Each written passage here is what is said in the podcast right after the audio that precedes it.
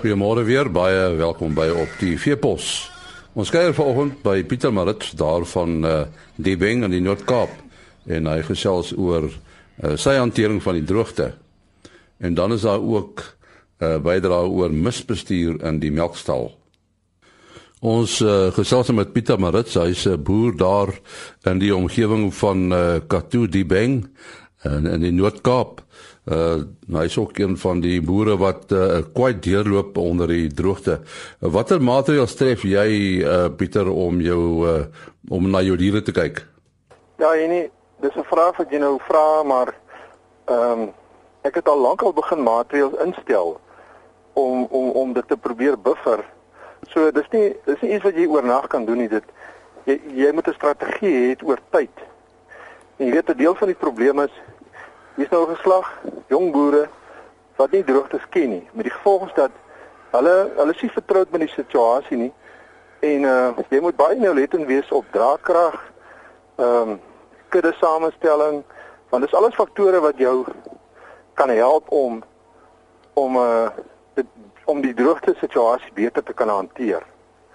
So wat ek vir jou eintlik wil sê is dat mag gedurig kyk na jou draagkrag, jou kudde samestelling as jy kan ossies oordra en jy kan jou koeikudde kleiner maak sodat wanneer die tyd kom dan raak jy van dit ontslaa. Maar op die einde van die dag 'n droogte is 'n verskriklike ding om te hanteer en jy het dikwels nie vir jouself raad nie. So jy kan nie eintlik vir ander ook raad gee nie. Ja, julle het water, uh, ek bedoel boorgatwater. Ja, uh, ons boorgatwater is ons ook nou nie meer so seker van nie.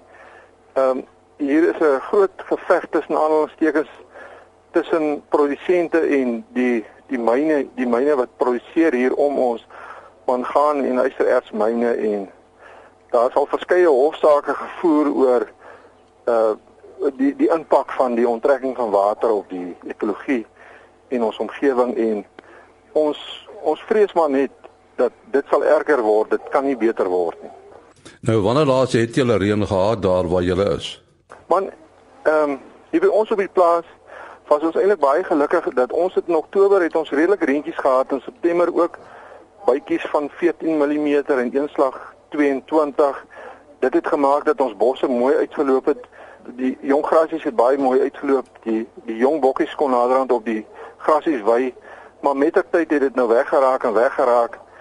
En ons is nou net op die op die ou gras wat ons oorgedra het, maar ek moet vir jou sê hier in hierdie omgewing Wes van Kuruman, Olifantshoek, van Suidrus is baie plase wat wat geen geen geen geen oh, ek wil ek wil amper sê amper geen plante meer oor het. Dit is net die bosse en die bome wat daar staan. So ehm um, hier is plekkies waar dit nou gereën het, maar uh, die die impak kan 'n mens nie op die veld sien nie. En natuurlik uh, dit is die sandveld daar, die, die water, die sak vinnig weg. Ja, ehm um, ek meen ons kan baie ons kan groot hoeveelhede reën hanteer.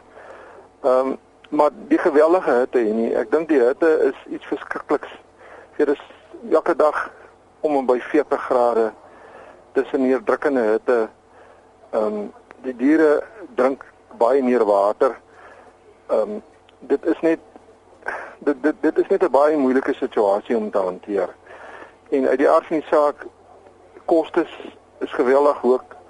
Ehm um, ek is nou nog geluk, gelukkig in die sin dat hier is nog gras, ou gras.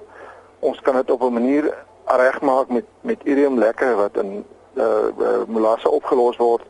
Maar baie boere het nie meer hooi nie en uh, ons is ook baie dankbaar vir ander medeboere wat vir ons voer stuur daar uit die Suid-Kaap uit.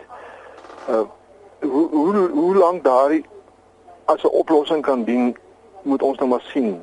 Ehm um, Maar 'n ander faktor is ook in hierdie wêreld waar ons boer moet jy dit weet. Jy moet dit weet dat jy moet jou dinge so reël dat dat jy eers die reën die 15de Januarie verwag. Want na die na die winter kry is daar nou bytjies partykeer goeie bye en dan is dit nou die tipiese jaloersbye, die donderbye wat in November en Desember kom. Maar die goeie reën kom gewoonlik van die 15de Januarie. So Ek het baie moed vir die 15 Januarie en daarna. Maar sou dit daarna nie reën nie, dink ek is hier geweldige groot probleme in hierdie omgewing. Is dit een van die redes waarom jy uh oorgeslaan het na na bokke toe uh, in plaas van meestal beeste? Ja, kyk ons het ons stelsel verander reeds omdat ons uh die laaste jare het ons het ons baie droogte periodes gehad en ons het besef ons ons kan nie net herkouers met herkouers boer nie. Ons het 'n groot boskomponent ook. En met die bos wat daar beskikbaar is, beteken dit daarom dat uh met die boerbok wat wetenskaplik bewys is dat hy eet net 28% gras, beteken dit jy kan dit meer benut en jy kan die die aantal groot vee eenhede kan jy eintlik nou op 'n manier wegsteek in terme van boerbokke. Uh maar boerbokke het natuurlik ook uh sy problematiek in terme van die arbeid. So ehm um, maar net so te loop so op die oomblik gee ons nou 70 uh aanslaamers melk twee maal per dag met die hand wat gewellige koste implikasie en gewellige werk is. Dis dit is werklik die impak van die droogte. Nou, ons sê baie dankie aan Pieter Marits. Uh soos ek gesê het, hy boer daar in die Katoo die Beng omgewing in die Noord-Kaap. Ons uh, gesels uh, vanoggend met uh, met Philip Henning. Hy is 'n uh, landbouingenieur en ons gaan 'n bietjie met hom praat oor misbestuur op die melkplaas. Nou misbestuur is seker 'n groot probleem in die, in die sogenaamde volvoerstelsels, né nee, Philip? Ja, kyk uh die die die manne besef nie altyd dat die die kom ek sê as ou dit so kan uitdruk die oppervlakte wat jy nodig om jou het om jou mis te hanteer, né? Nee is eintlik groter as wat jy nodig het vir jou behuising en jou portaal, né? So dit is 'n dis 'n kritiese faktor.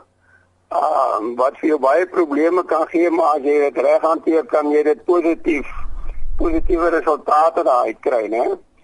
Uh die die waarde van jou mis in NPK is is redelik hoog. Ek het nou ongelukkig nie die jongste syfers nie, maar dit is seker in die orde van minstens 250 na 500 rand per koei per jaar. So dit is 'n aansienlike bedrag wat 'n ou kan bespaar aan jou kunsmisrekening, né? As jy dit so gaan bereken en en jou grondkwaliteit wat jy verbeter al daardie byvoordele, waterhou vermoë en sulke tipe dinge wat inkom. En natuurlik hierdie hierdie misbestuur storie, die hou verband met jou koeibehuising, né? Ja, dan van jou koeibehuising af, né?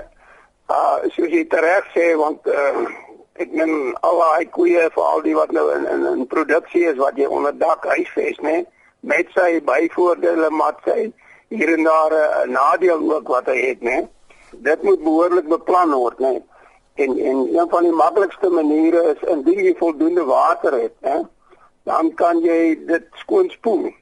En ek meen ou spoel uh, Deesdae gange van 2 300 meter, 4 meter wyd uh, spoel jy silwer skoon. Ah, uh, deur net 'n eenvoudige kraantjie oop te draai wat 'n uh, spoelaksie wat op 'n heuwel begin sal werk. Uh die water vinnig loslaat sodat jy 'n waterfront het uh van seker so 75 mm om daai mis oor die volle 2 300 meter weg te spoel tot in in sedimenteer damme en dan later in jou anaerobiese damme ingaan. So dit is 'n dit verg 'n redelike goeie beplanning uh uit die aard van die saak, die helling en die betonoppervlakte wat jy ook al daar het, speel 'n belangrike rol in jou berekening van van daai hoeveelheid water wat jy nodig het, né? Uh so nou sommer so vinnig 'n vergelyking kan maak, né? Uh, van daai hoofmisgange is 4 meter wyd, né? En as jy 200 koei eenheid het, uh dan is jou geboulengte seker so in die orde van omtrent plus minus 80 meter. En daarvoor gaan jy om so 'n uh, 'n gang skoon te spoel, gaan jy seker so 10000 liter water nodig hê wat jy in so iets soos 15 na 20 sekondes loslaat om daai waterfront te kry. En, en soortgelyk vir jou uh sy gange wat nou bietjie kleiner is, né? Het jy omtrent so 5 en 'n half kubieke meter water nodig. So dit is 'n aansienlike hoeveelheid water wat hy van praat. As jy dit nie het nie, dan kan ons dit nie so nie doen nie. En dan moet jy uit die hart van die saak gaan uh as jy met 'n trekker en skraper uh moet jy dit daagliks gaan skoonskraap, né? En dan is dit nou kwessie van Uh jou koeie moet uit die behuising wees voordat jy eintlik kan skraap waar in in in die spoelstelsel kan hulle daar staan, hulle kan staan en vreet, hulle kan in die misgang wees op daai stadium het, het geen effek daarop nie, nee. So jy kan dit baie makliker skoonspoel. Ja, een van die nagevolge van mis is natuurlik die vliegprobleem, né? Nee? nee, dit is so. Kyk, ek meen jou jou vliee is daar uh waar dit klam is en so voort, né? Maar as jy dit nou spoel, né, hulle kry nie kans daar's nie uh die geleentheid, behoorlike geleentheid vir hulle om om te kan broei nie. Want as jy hom nou uitgespoel het, gaan dit eers in 'n sedimenteerput in uh wat daar nou aan die einde van hom het jy so 'n paalstruktuur uh wat die vloeistof deurlaat. So jy onthou uh hou omtrent so sê nou maar 90% van jou solides hou jy terug. En dan kan jy uh die stelsel is sodanig dat jy 'n dubbele stelsel het. Aan die een kant maak jy vol en as hy amper vol is, dan het jy net 'n een eenvoudige sluys wat oorswaai na jou uh ja, stelsel langs aan en dan maak jy daar vol weer. So as die eerste een nou begin kry nou kans om droog te raak en as hy nou redelik droog is en die ander een is is is om uh, baie na aan volle maat hier hom leeg, kan dit op die lande gaan uitgooi of jy kan hom nou op op mishope gaan berg, né? Uh die nadeel daar is natuurlik daar kan jy jou vliegprobleme kry. Maar jy moet nou daai ding gaan behoorlik bestuur om om om die minimum van van probleme daar te kry en om die maksimum waarde uit jou mis te kry.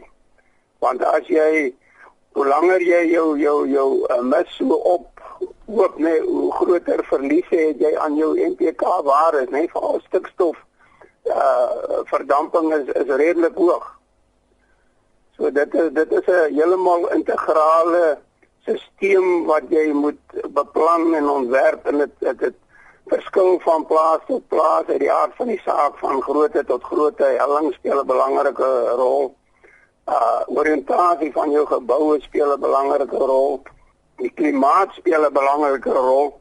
Uh byvoorbeeld kom ek sê as jy nou daar so in die Oos-Kaap is, uh langs die kusgebiede gaan dit nie vir jou lonend wees om om byvoorbeeld so 'n behuisingsstelsel op uh op te sit nie, né? Want jou ehm um, produksie daar is nie daardie wat ek dit sou stel jou jou ehm um, uh, dit is stres. Is nie so hoog daar nie. Daar jy het 'n meer gematigde klimaat en jy het 'n baie lekkerder uh aanvaarbare temperatuur vir jou koei, né? Uh jou optimum temperatuur vir jou koei is byvoorbeeld tussen 10 en 15 grade Celsius. So as jy hier in in die omgewing van Gauteng is of in die Vrystaat is, is dit 'n heeltemal 'n ander storie, né? En daar moet jy dan behuising of as jy daar behuising opsit, né, dan kan jy dit uh afhangende van jou jou huidige produksie en jou jou aantal koeie wat jy het, né, kan dit vir jou uh, addisionele inkomste inbring in produksieverbetering uh wat dan die gebou tesame met die mis hantering kan betaal net met ander woorde jou inkom addisionele inkomste uit uit mis en uit jou melk wat jy gaan kry vir dieselfde voeding net uh gaan sodanig wees dat jy daai gebou onder sy voorwaardes van rente en onderhoud ensovoorts kan betaal. So dit is 'n ding waarna ou eers moet gaan kyk indien jy so 'n behuisingsstelsel byvoorbeeld opsit net. Nou, vir op jou telefoonnommer? Uh by die huis is dit 012 998 7540 en my selnommer is 083 447 2274. Sy baie dankie aan Philip Henning wat vir ons vertel het van die misbestuur op melkplase. Sy nommer weer 083 447 2274. daarmee die einde van op die veepos. Ons is môreoggend om 4:45 terug. Ah.